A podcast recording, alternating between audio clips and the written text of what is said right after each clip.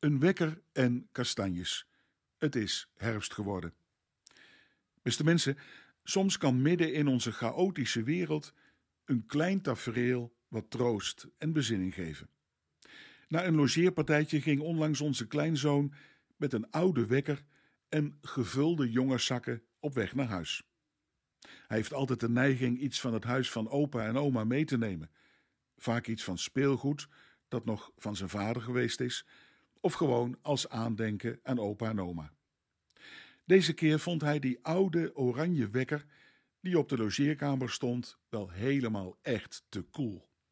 Zo één met twee van die grote bellen aan de bovenkant, waarmee je de hele buurt wakker mee zou kunnen krijgen. Die wekker was van onze dochter Suzanne geweest, zijn tante dus, die hij helaas nooit gekend heeft, alleen vanuit de verhalen. Die wekker had haar vaak s'morgens gewekt, en daar was in der tijd inderdaad nogal wat geluid voor nodig geweest. Helaas zou dat nooit meer zo kunnen. Gek eigenlijk, dat zo'n verdrietig aandenken voor onze kleinzoon ineens cool is.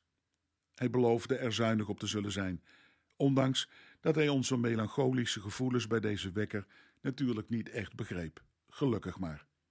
Het leven gaat immers door en kent naast verdriet aan gemis ook zo zijn vele zegeningen, gelukkig.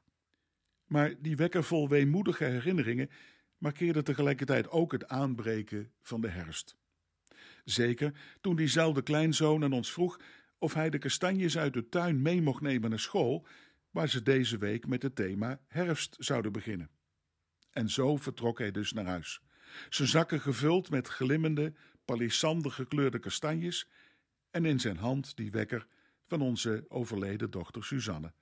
Het was herfst geworden. Eerlijk gezegd houd ik toch wel van het najaar. Zeker heeft elk jaargetijde zo zijn eigen charmes. Maar de herfst heeft naast dat melancholische ook iets telkens van de zegen van de oogst, van de rijpe vruchten, van appels, eikels, noten en kastanjes. En de vallende herfstbladeren tonen tegelijkertijd ook de veelkleurigheid, met het volle kleurenpalet van het leven. En tegelijkertijd geven ze je ook het besef van de vergankelijkheid van het leven. Maar ook weer van hoop en verwachting en uitzicht op de nieuwe lente. Maar de bijzondere combi van de wekker en de kastanjes, als vruchten van de herfst, was voor mij toch vooral een soort wake-up call.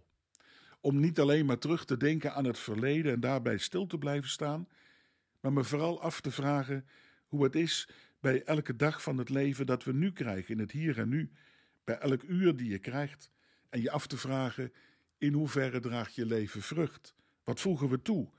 En draagt je geloof daar ook iets aan bij? Laat ik, laat jij ook iets zien van het volgen van Jezus.